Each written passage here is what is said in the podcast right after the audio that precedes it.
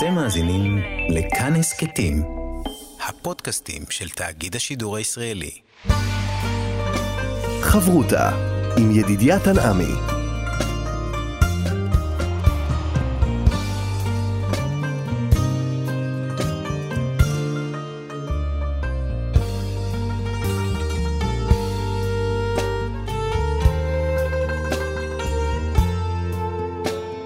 שלום, כאן מורשת, חברות הלימוד משותף עם רבנים ואנשי חינוך בנושא תנ"ך, הלכה ואמונה. הפעם אנחנו לומדים הלכה יחד עם הרב רועי מושקוביץ, ראש בית המדרש רואה ישראל הלכה למעשה. כאן ליד המיקרופון, ידידיה תנעמי, שלום לך, כבוד הרב. שלום רבי ידידיה לך ולכל המאזינים. אנחנו רוצים אה, ללמוד יחד את הלכות אה, תשובה. והנה אנחנו נמצאים בימים אלו של ימי תשובה, עשרת ימי תשובה, מגיעים ליום הכיפורים, היום הגדול שמכפר. ולכאורה, מבחינה הלכתית, אני רוצה לשאול, למה אדם צריך לחכות אה, לסוף uh, תקופה, כמו יום הכיפורים, עשרת ימי תשובה, ואז לבוא ולחזור בתשובה שלמה לפני הקדוש ברוך הוא? למה אדם לא צריך לחזור בכל יום? אם אדם חוטא ביום, מיד צריך uh, לעשות תשובה. שאלה מאוד מעניינת ומאוד נכונה, וכמובן שאנחנו צריכים לדעת מהיכן בכלל הגיע דין התשובה, ומה פתאום שאדם יוכל לחזור בתשובה. הרי אנחנו יודעים שבנוהג שבעולם, אדם שלמשל שמצאו אותו על גניבה, או מצאו אותו על עבירה אחרת שהוא עשה, האם הוא יכול לומר ולהגיד, שבתי בתשובה?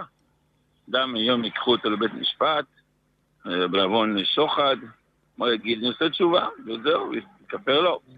אדם אה, גנב, אדם אה, מחבר שמשמור רצח, מחבל וכדומה, יגיד אני עושה תשובה ויתכפר לו, וייתנו לו איזה הקלה מסוימת אולי, חשבו בו קצת, אבל מהיכן הגיע הדין הזה בכלל של התשובה?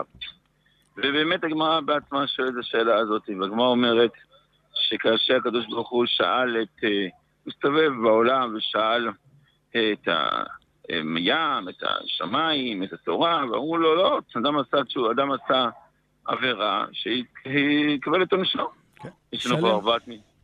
ישלם על מה שהוא עשה, שלא יודע, יקבל את העונש, ש... ומדוע שיש התשובה תועיל?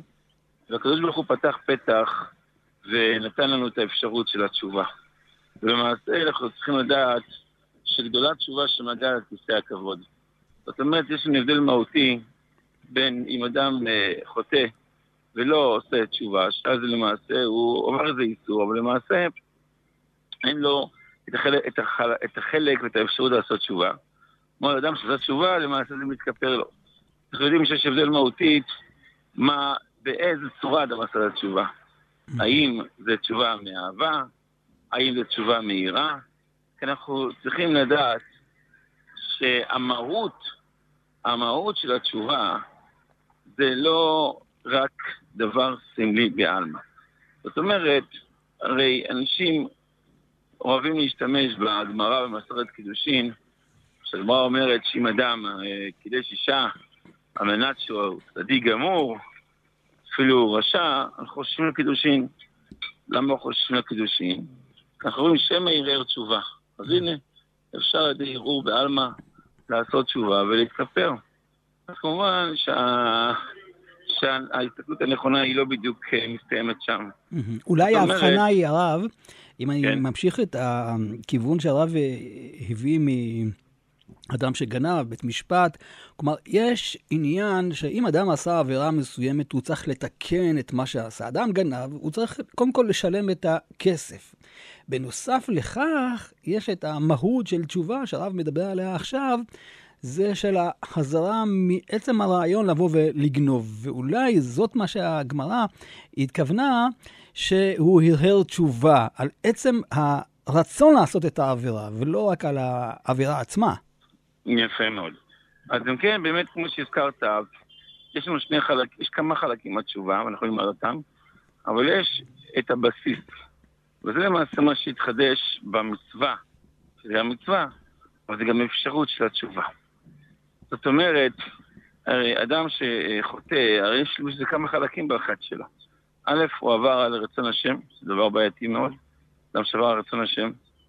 וב', חוץ מהעברה על רצון השם, זה כמו שכבר כתוב בסוף הקדושים, שהגוף שלו, הגוף, הנשמה, החלק שלו, התלכלך, התלכלך כמו כביסה, כמו אדם ש...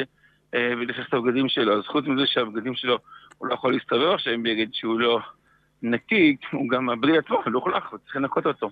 כן. זאת אומרת, יש כמה חלקים, כמה אפשרויות. ובעצם בזה, מה התחדש בפרשת התשובה? אז הרי למעשה הייתי אומר גם מה, מה זה עניין של העונש. הרי טוב, אדם חטא, מה, מה, עכשיו, מה עכשיו העונש? עונש מה זה? על מה מגיע לעונש כביכול? זה נכון שהוא, זה נכון שהוא חטא, אבל על מה מגיע לו?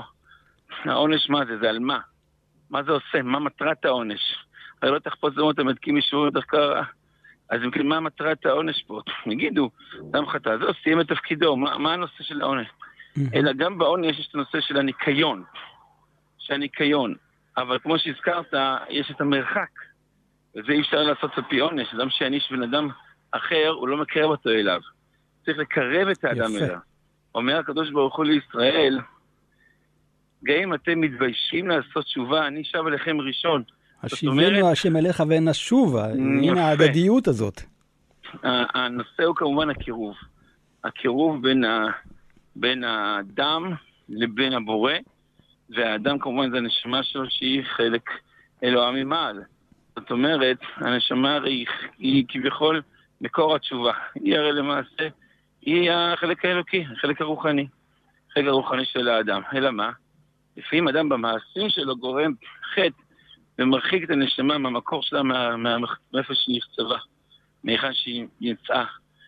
והמטרה היא כמובן שוב, אז קצת אם ניקח דוגמה, דוגמה, פעם זה היה יותר מקובל, היה טלפונים אה, נייחים, היה טלפון כזה, טלפון שהוא אה, אלחוטי, טלפון אלחוטי. כן. מה זה טלפון אלחוטי? גם היום זה גם הטלפונים הניידים, אבל זו דוגמה יותר ככה שמורגשת, טלפון האלחוטי, יש בסיס. יש את המקור, יש את הבסיס. יש את הבסיס, ויש את הטלפון, אתה יכול לדבר, אתה יכול לתת למרפסת לדבר, ואתה תשמע טוב. אה, אבל אם תתרחק יותר מדי, אז כבר יהיה רעשים אה, ברקע, ואם יותר מדי, אז בכלל לא תשמע כלום. גם היום בטלפונים הניידים זה ככה, יש את האנטנות, אם אתה הולך למקום שאין קליטה, אז אין קליטה. כן. היום יש גם את הווי-פיי שאתה יכול אה, כן. לדבר נכון. דרך נכון. האינטרנט, ברגע שאתה מתרחק מהבסיס. שוב, זה אותו עיקרון. אין לך קליטה. כן. אותו דבר גם פה. אז נכון, אדם עשה חטא, אז יכול להיות שבמקרה מסוים, מה זה העונש? הצער שבדבר אה, יכול לגרום לאדם את, ה, את, את, ה, את אותו מקור ללכת ולמחוק את הלכלוך, אבל מה עם ההתקרבות? ועל ההתקרבות הזה מגיע מצד התשובה.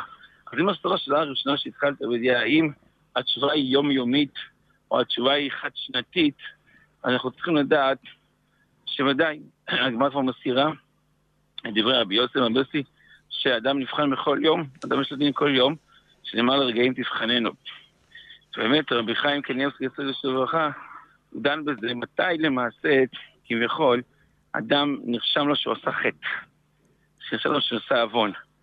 האם באותו רגע שהוא חטא, או בסוף היום, כאשר הנשמה עולה למעלה למסור דין וחשבון. יפה.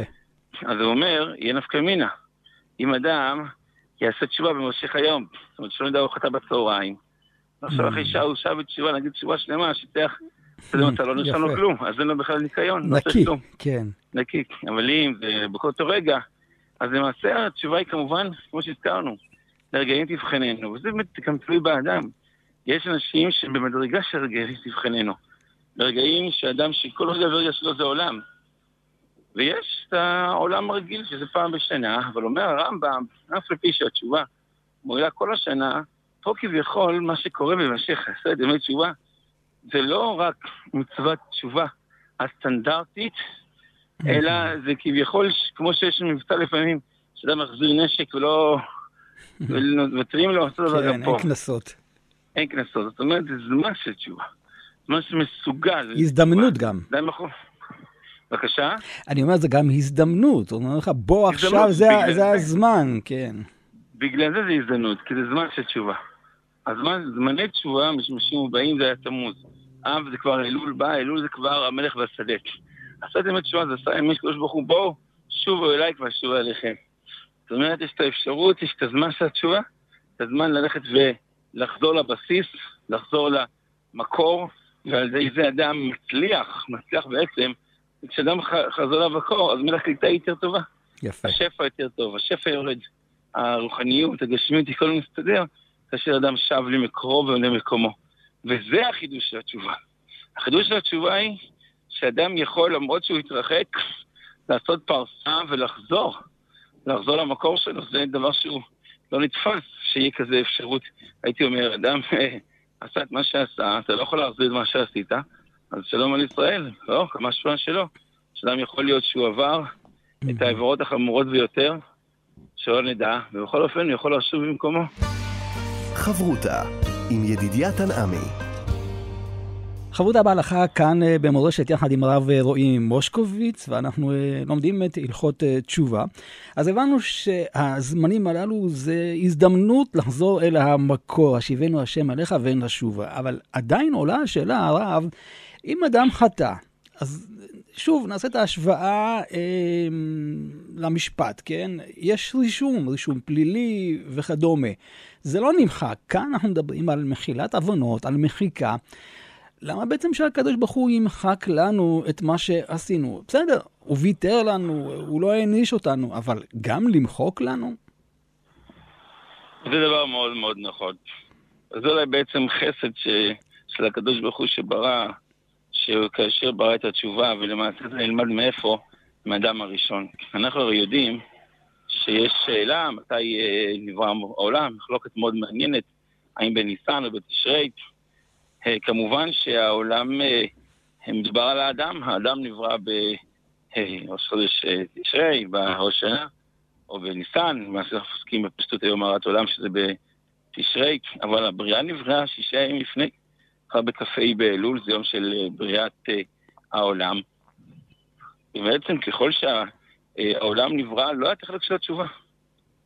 לא היה את החלק של התשובה כשנברא העולם, אנחנו את הסיפור עם המלאכים, שכביכול התווכחו עם הקדוש ברוך הוא עם לברוא אדם, כמובן שזה בהשאלה, והקדוש ברוך הוא תופס שניים וזורק אותם, כביכול, כמובן עם מקרה משל, ומוריד אותם לעולם, סיפור שלם, ואין תשובה. שלום, נשארים פה ואין להם תשובה, ומה שהם סיפור ממשיך הלאה, כל אחד יסתכל במקורות ויעיין. זאת אומרת, את התשובה חידשו ביחד עם בריאת האדם. בעצם ביחד עם אותו אה, חטא עצום היום, שאין לנו בכלל השגה בו, שכאשר חווה נוטלת לאדם מעץ הדת, הוא אוכל את עץ הדת, ומהעץ הדת הזאת מה שנוצר זה החטא הראשון שבעולם, שלמרות שהקדוש ברוך הוא אומר לאדם הראשון, אל תאכל מעץ הדת, הוא קם ואוכל. זאת אומרת, מה נוצר בעצם בבריאת העולם? מה נוצר בעץ הדת? מה נוצר בחטא הזה? בחטא הזה אנחנו מגלים פעם ראשונה שכביכול ניתן לעבור על רצון השם. וזה דבר שהוא בעצם לא נתפס, כי הרי הבורא ברא את האדם, אז מה פתאום שהוא יוכל לעשות נגד רצונו? פתאום שיש את האפשרות. וזה היה אה, בעצם הבסיס של בריאת העולם, כמו שכבר מביא הרמח"ל ועוד, שדרך הטוב להיטיב, הוא רצה כמובן שאדם יקבל את השכר שלו לא בחינם, אלא אה, לא יאכל נמה דכיסופא נמה, אה, נמה של בושה, לחם של בושה, אלא אדם יעבוד על עצמו, יתגבר, ואז הוא יקבל את השכר. ממילא, כשהאדם הראשון חוטא, אז לכאורה היה צריך להסתיים העולם, זהו. כי הרי mm-hmm. אין פה את רצון השם, הרצון שלו מתקיים. וכאן התחדשה פרשת התשובה. כאשר האדם הראשון מבקש מהקדוש ברוך הוא את הסליחה על מה שהם עשו, אז ממילא הוא בא ומעורר את האפשרות לשוב, כי בכך שהקדוש ברוך הוא מחליט שהוא רצה לקיים את העולם, הוא היה חי... כביכול חייב, היה חייב ליצור מצב של הזדמנות שנייה לבן אדם. וזה בעצם, בעצם מהותו של האדם הראשון ומהות הבריאה. ואם אנחנו נשים לב, זה כביכול חוזר על עצמו כמעט כל תקופה. זאת אותה הזדמנות שנייה, שעצם התחילה כבר בריאת העולם, כאשר הקדוש ברוך הוא רוצה לברות את העולם במידת הדין, וראשית ברא אלוקים את השמיים והארץ, ולעומת זאת אחר כך מיד הוא מבין שהעולם לא יכול להתקיים, והוא מביא את, את הרחמים. הוא רוצה לברוא שני אנשים בבת אחת, והוא בורא אחד ועוד אחד. הוא רוצה לחלק את האדם הראשון ומשאיר אותו, אבל לא בגן עדן. וכן הלאה והלאה, מבול ויש עולם חדש עם נוח. וכן לוחות הברית הראשונות ולוחות הברית השניות. זאת אומרת, בעצם כל העולם הזה מושתת על הפעם השנייה, שלמה מלך היה בשעתו, יצא וחזר להיות מלך לפי חלק מהשיטות. זאת אומרת, אנחנו מבינים מפה בית המקדש הראשון ומקדש השני. כל פעם זה הזדמנות השנייה. ההזדמנות השנייה היא למעשה הזדמנות שנייה, היא כביכול אנחנו נראה שמי שהכיר את בית המקדש הראשון לא יכול ללכת ולהתלהב אה, אה, כביכול מבית המקדש השני, כי הוא לא דומה, אבל זה מה שיש, הוא יחזיק הרבה יותר זמן. זאת אומרת, ההזדמנות השנייה לפעמים בעצם נוצרה בתור אה, אחרת לתת לבן אדם את האפשרות להתקיים, גם כשהוא לא עומד בכל הסטנדרטים שצריכים להיות, אם אנחנו נמשיל את זה לחיי העולם הזה, כן. חיינו, זמננו אנו. אבל לפי מה שהרב אומר, לפי מה שהרב אומר, עדיין הרישום הפלילי, שככה אמרנו אותו במרכאות, עדיין רשום, כי עדיין אנחנו סובלים מחטא אדם הראשון, חטא העגל, נכון בדיוק. זאת אומרת, אין פה ניקיון ממש מוחלט. יש פה אפשרות שנייה, וזה בעצם המהות של התשובה. התשובה אומרת, יש לך עוד הזדמנות. מצד אחד אנחנו יודעים שאיפה שגדולי תשובה עומדים, אין צדיקים גדולים עומדים, אבל כן לא דומה תפילתו של צדיק בן צדיק לתפילתו של צדיק בן רשע. זאת אומרת, אין מה להשוות אדם שלא חטא מימיו לאדם שחטא. אדם שלא חטא מימיו, אז למעשה יש צורה, רמה אחרת של קדושה, רמה אחרת של טהרה. יש את ההזדמנות השנייה, וזה מה שנתן לנו הקדוש ברוך הוא את האפשרות לראות. יש לך אפשרות עוד פעם, יש לך אפשרות, יש לך את השבע יפול צדיק וקם. אבל הנפילה הייתה, היא הייתה, והיא עברה, ויש אפשרות ללכת ולהמשיך למרות, למרות, ובגלל, והמטרה היא כמובן חדש ממנו כקדם. חדש ממנו כקדם, מה זה כקדם? מביאים המפרשים הראשונים, כאותם ירחי קדם, מה זה ירחי קדם? בזמן שאדם היה עובר, כשאדם אדם היה עובר, הוא היה נקי, הוא יצא ללעדה, יצא ללא חטא, ברוך אתה בבואך, ובעזרת השם ברוך אתה בצאתך.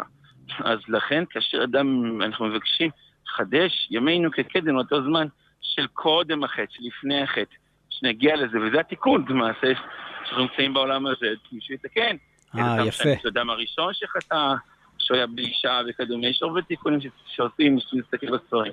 זאת אומרת, המהות היא להגיע למצב השמימי, וניתן, ניתן אפשרות, אבל התשובה היא לא דבר שהוא פשוט, הוא דבר שהוא אפשרי, אבל לא דבר שהוא פשוט, הוא אפשרי, כמו שאמרנו בערעור אחד, כמו שאמרת, זה ככה להתקרב לבייס, להתקרב לבסיס, אבל מכאן ועד לחזור ולמחוק את החטא זה ניתן, אבל זה עבודה וזה החידוש. החידוש נותן לך את האפשרות גם לעבוד, גם ללכת ולחזור בתשובה, שזה עצם המצוות תשובה.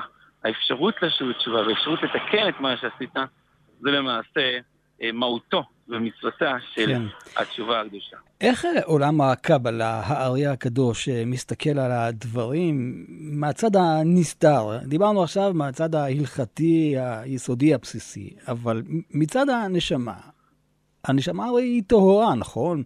אז לכאורה היא לא התלכלכה, היא לא נפגעה מחטא האדם הראשון או מהחטאים שאנחנו עושים. איפה אנחנו נמצאים בתיקון הזה, בתשובה הזאת? כן. אתה יודע שיש לכאורה זו שאלה, מצד אחד כתוב ש... מצד אחד כתוב, חמוקי ירחייך, אומר, אומר כן. הספרית, שהתורה היא צריכה להיות נסתרת, אסור לגלות אותה ברבים. מצד שני, בחוץ טירונה, החמות בחוץ טירונה, ואדרבה, יש להפסיד את התורה. כן. יש כמה תירוצים, אחד מהם שזה תלוי תורה שבה נסתר, תורה שבה נגלה.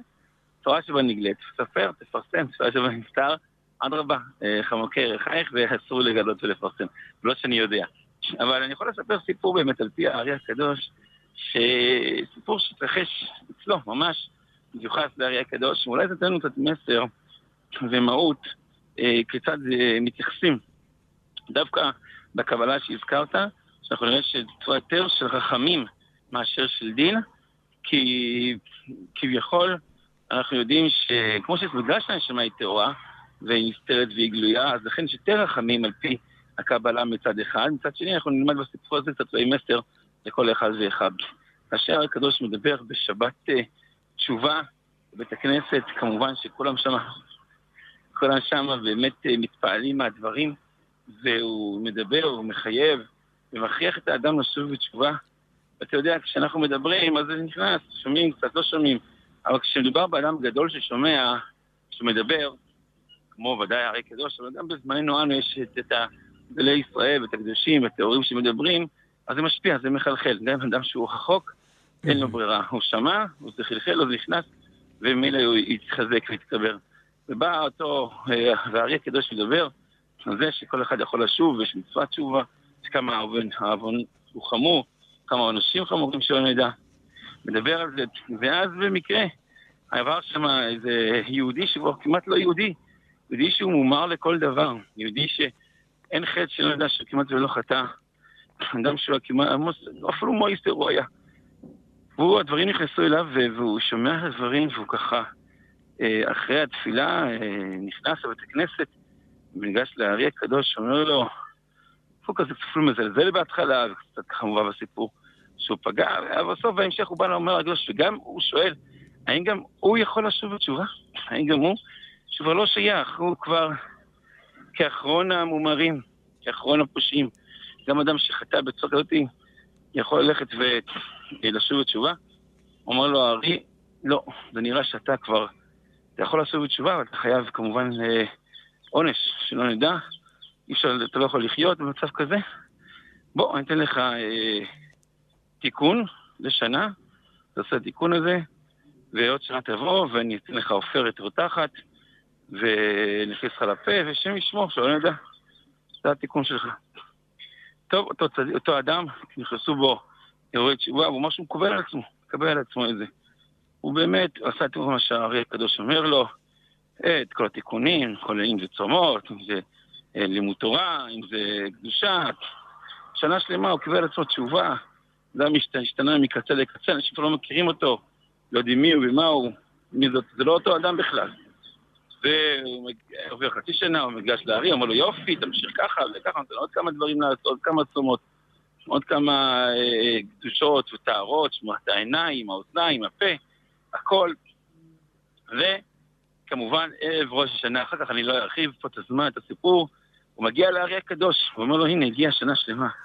עכשיו הגיע הזמן לקדש כביכול שמו יתברך, והוא אומר לי, טוב, בוא נביא בית הדין, נביא כמה דיינים, ונעשה לך את העופרת הרותחת בפה, וככה אתה תשוב תשובה ותקבל על עצמך אה, לקדש שמו ברבים.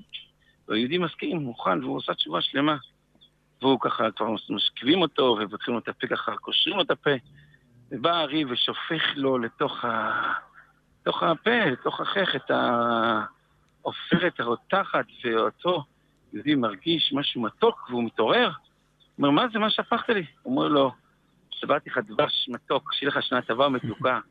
וזה למעשה אומר לו, בכך השלמת את, ה, את התשובה שלך. כי פעמים הקדוש ברוך הוא לא רוצה חלילה וחס שיהיה רע ליהודי, הוא לא רוצה שאדם חלילה וחס ייפגע, רוצה בחיים, מלך חפץ בחיים. זה הרי מעדיף שאדם יחיה ויכבד אותו, ויקדש את שמו. והמטרה היא הייתה כמובן של הארי הקדוש, שאדם יהיה את ה, במוח שלו את האפשרות, את הרצון למסור נפש. כאשר אדם רוצה למסור נפש, זה עצמו יכול לתקן את כל החטאים שהוא עשה עם מוסר נפש למען שמו יתברך. וזה בעצם אגדת יצחק. אגדת יצחק הרי למעשה יצחק חי, חי וקיים.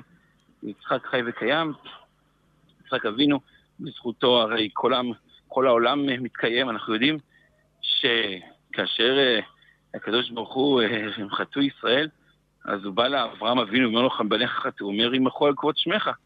הוא בא ליעקב, אומר לו, ימחו על כבוד שמך. הוא בא ליצחק, יצחק אומר לו את הדבר המפורסם, בואו נתחלק חצי חצי, לילה, יום. אדם יש לו צרכים, זה תפילה, כמה חטאו?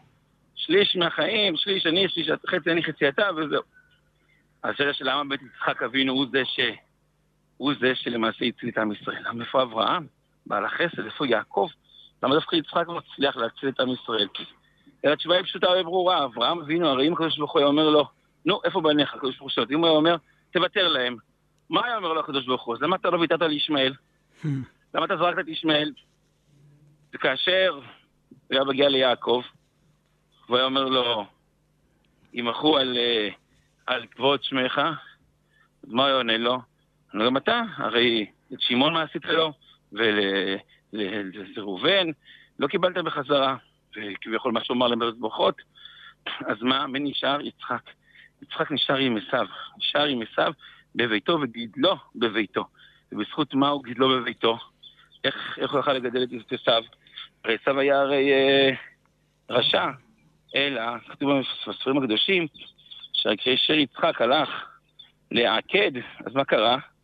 מלאכי השרת כביכול בכו, ומה? וגרמו שיצחק לא, לא יהיה איש מדע עיוור. על זה שהוא יהיה עיוור, אז יכול על פניו מים, עכשיו עושים אותו עיוור, אבל עמדה לקוד עצמו, מה שעושים לו. אבל לא, בזכות זה שהוא התעוור, אז הוא לא ראה את החטאים של עשיו, ועל ידי זה הצליח להציל את עם ישראל. זה שלא ראה את החטאים של עשיו, הוא גידל אותו אצלו. גידל אותו אצלו, בזכות זה יכל להגן לעם ישראל בעתיד. זאת אומרת, אנחנו רואים מכאן שעקידת יצחק, למרות שהוא בפועל לא נעקד, אבל עצם זה הצליח הזכות שלו ללכת להציל את עם ישראל. ולכן, לכן, לכן זה המטרה של הבן אדם. אין מטרה חלילה וחס בעונש, אין מטרה חלילה וחס לציין את היהודי, אדרבה. העניין הוא שעדי יהיה שמח, תחת עבדת אל השם אלוקיך בשמחה וטוב לבב. העניין, המטרה הוא כמובן, השיבנו השם אליך ונשובה, חדש ממנו תקדם. חברותה עם ידידיה תנעמי. חברותה בהלכה כאן במורשת יחד עם הרב רועי מושקוביץ, ענייני התשובה. ואחרי כל מה שלמדנו, שיש הזדמנות ואדם צריך לשוב בתשובה, לכאורה הדבר הזה לא מסתדר לי עם העניין של יום הכיפורים, שהרי חז"ל אומרים שעיצומו של יום מכפר. אז אם כן, אדם לא יתאמץ לעשות תשובה ויגיע ליום הכיפורים, יגיד, הכל בסדר, הקדוש ברוך הוא מכפר לי. למעשה אנחנו יודעים כבר, זה מחלוקת בגמרא, האם יום הכיפורים עיצומו של יום מכפר, או רק על ידי תשובה ומעשים טובים. ואנחנו יודעים גם שאם אדם אה, לא מאמין ביום הכיפורים, כמו שפסק הרמב"ם, שגם אם אדם הוא נמצא ביום הכיפורים, והוא לא מאמין בצום, לא מאמין בכפרה, לא מאמין שהוא מתכפר, אז זה לא מכפר לו. זאת אומרת, למרות שאנחנו פוסקים שצריך תשובה וצריך אה, יום, יום הכיפורים מכפר, עדיין ללא, ללא האמונה בכך שאתה. מתכפר, זה עדיין לא עוזר. עם מה הבניו? ומה כתוב בעצם ביום הכיפורים? ביום סליחה ומחילה. הרי למעשה, כמו שהזכרת, הרי אדם שאומר הכתב יום הכיפורים מכפר, או הכתב ואשוב, הכתב ואשוב, הם מספיקים לעשות בית התשובה. אז מה פתאום, מה נפשך? אם אדם, אם יום הכיפורים זה יום כפרה, אז יכפר לכולם, ואם זה לא יום כפרה, אז מה העניין לכפר רק לחלק כן ולחלק לא? בעצם מהו מהותו של יום הכיפורים? למעשה הגמרא מביאה שאין ימים טובים לישראל כיום ט"ו באב ועשרה בתשרי, יום הכיפורים. שאם אנחנו נקביל בין הדברים, אנחנו נראה שעל פניו אין שייכות בין שני הימים האלה, בין ט"ו באב ויום הכיפורים. ט"ו באב זה יום שהבנות רוקדות במחלות, ומה שקורה שם, ומצד שני, יום הכיפורים זה יום של קדושה וטהרה, יום שנהפכים למלאכי השרת, עד כדי כך שאנשים אה, צמים, לא אוכלים ולא שותים. יש כאלה אפילו נוהגים לא לישון יום הכיפורים, או לעמוד כל יום הכיפורים, זאת אומרת, דומים למלאכי השרת. אז היכן פה החיבור בין הדברים? אבל כמו שדיברנו עד עכשיו, בחיי עולם נטע בתוכנו, אנחנו מבינים שזה חד המחתא. אנחנו מבינים שההרכב הזה של האדם עם הגוף, הנשמה, עם הגשמי והרוחני, זה למעשה מטרת הבריאה. מטרת הבריאה זה לא, לא להקים אה, נשמות, כי זה כבר יש עולם המלאכים, יש עולם שלם של מלאכי השרת שנמצאים אה, מלאכים, שרפים ואופנים וחיות הקודש, הם נמצאים, הם לא צריכים אה, אה, בשביל זה יום הכיפורים, אנחנו יודעים שהם נמצאים במהלך כזה שהם עומדים, אפילו אין להם אה, ברכיים לקפץ, הם לא יכולים mm-hmm. לקפץ, לא יכולים להתקפל, כי אין להם עניין, הם עומדים, כי זה המטרה, נולדו, כביכול נוצרו בשביל אותו כוח רוחני קדוש, וזהו, ונשארו בהווייתם. המטרה של האדם היא שונה לגמרי. המטרה של האדם זה הט"ו באב עם יום הכיפורים. זה למעשה המהות של היהודי. המהות של היהודי והמהות של היהדות ושל הבריאה זה החיבור בין ט"ו באב ליום הכיפורים. דווקא אותו אדם שבט"ו באב רוקד ושמח כביכול, אותו אדם צריך להגיע למדרגה של קדושה ויכול להגיע לשניהם ביחד, ועל ידי זה הוא מתקן את עצמו. כי בעצם כאשר אנחנו מדברים על אה, יום הכיפורים, אנחנו אומרים תשובה ביום הכיפורים, אמונה ביום הכיפורים, זה מה שמכפר. אין עניין בכפרה בעלמא, אין עניין בזה שלא נגיד אשר יכתב שלום עליי נפשי, יום הכיפורים מכפר, אין בזה עניין. העניין הוא כמובן לחבר את, ה, את הגשמיות ולכופף את החלק הגשמי לחלק הרוחני. ובשביל כן. זה יש לנו את כל המהלך של השנה כולה. המהלך של השנה כולה, חוץ מהעניין הזה של המצוות והעבירות, אומרת הגמרא במנחות, מי שלומד תורה, לא צריך לא מנחה ולא עולה ולא אשם ולא שום דבר. למה הוא לא צריך את זה? רגע, הוא עשה שלא עבירות, הוא חטא, הרי אצלי כבר אשר יעשה טוב ולא יחטא.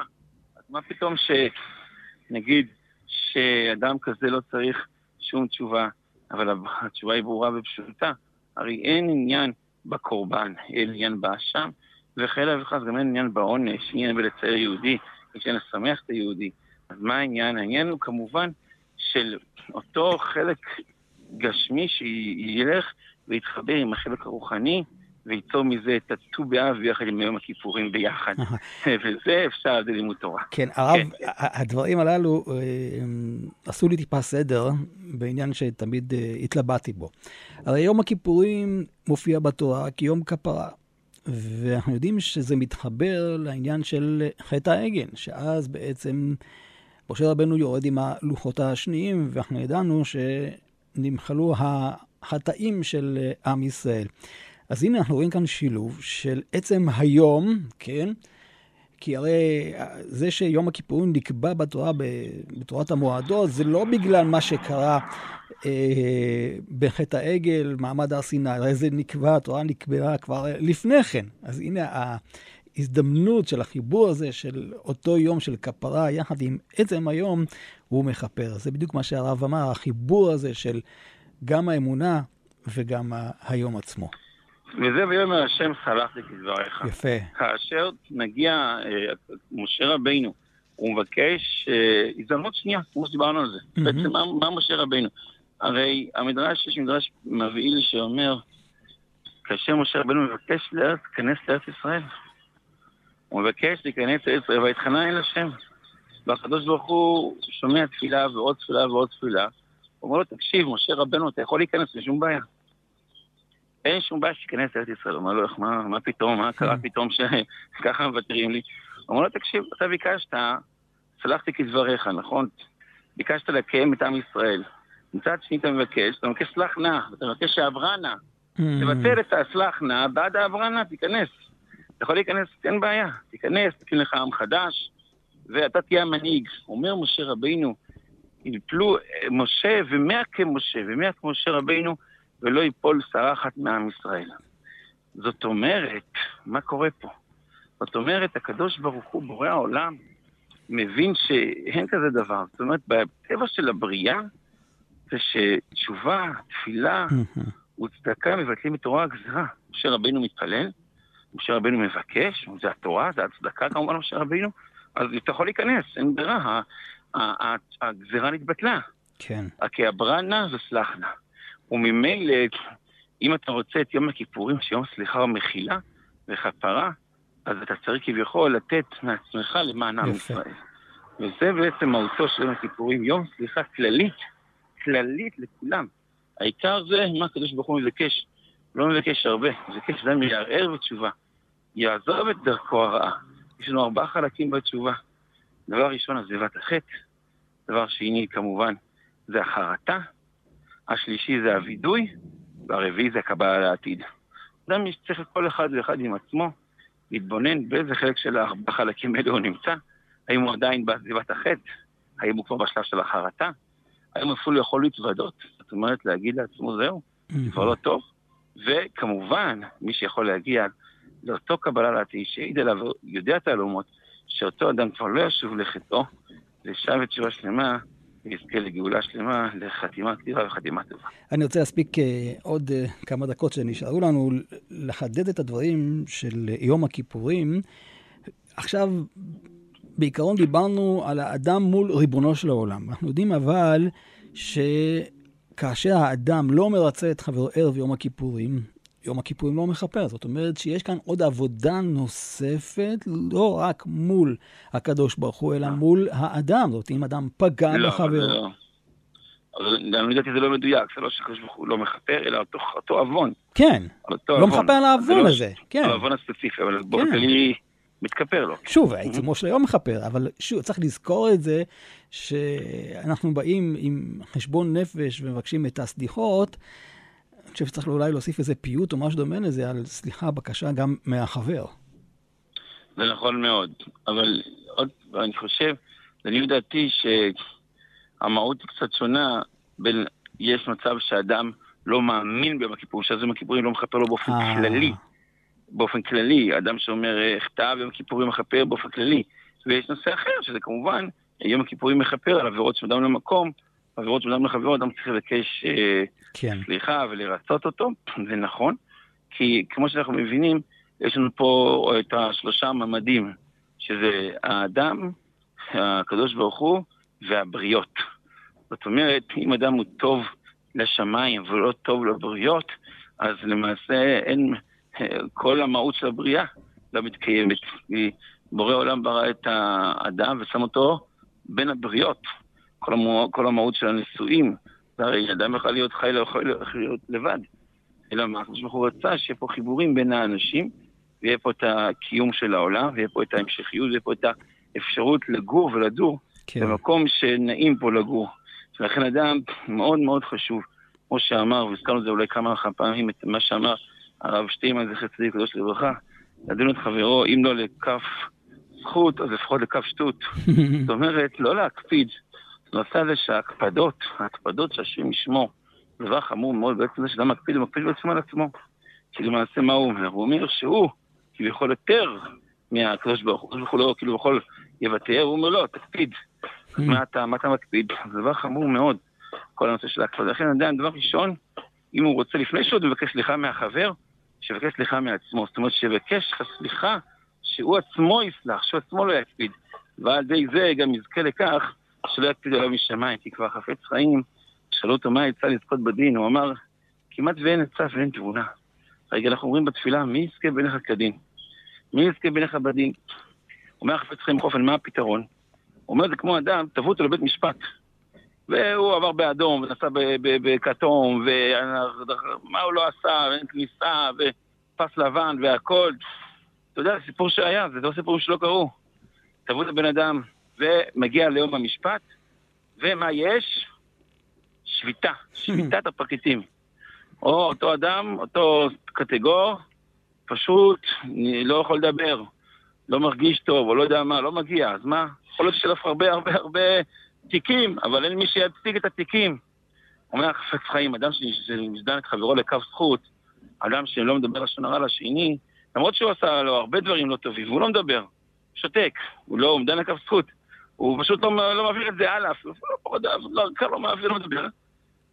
אז מי שכביכול אומרים לו, אה, אתה לא דיברת, אז גם על נגדך אפשר לדבר.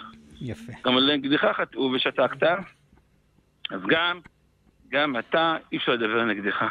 שאלו את מרן הרב שך, מרן הרב שך שהיה כולו תורה, שאלו אותו, רגע, מה, מה חפץ חיים נותן לנו איזה פטנט? שכביכול לא צריך תשובה, לא צריך תורה, רק תשתוק, תסתום, ותקבל איזה, תעבוד את הדין, כי אין מי שיקטרג לך.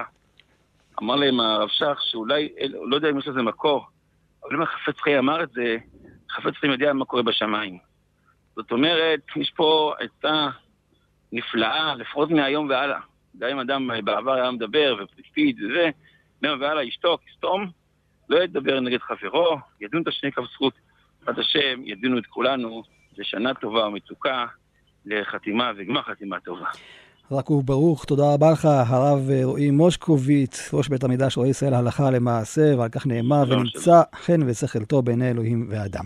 וכאן ידידיה תנעמי, אנחנו נשוב וניפגש בחברותה הבאה, ואת החברותה הזאת אפשר גם לשמוע באתר ובאפליקציה, וכן גם בכל יישומי ההסכתים. אתם מאזינים לכאן הסכתים, הפודקאסטים של תאגיד השידור הישראלי.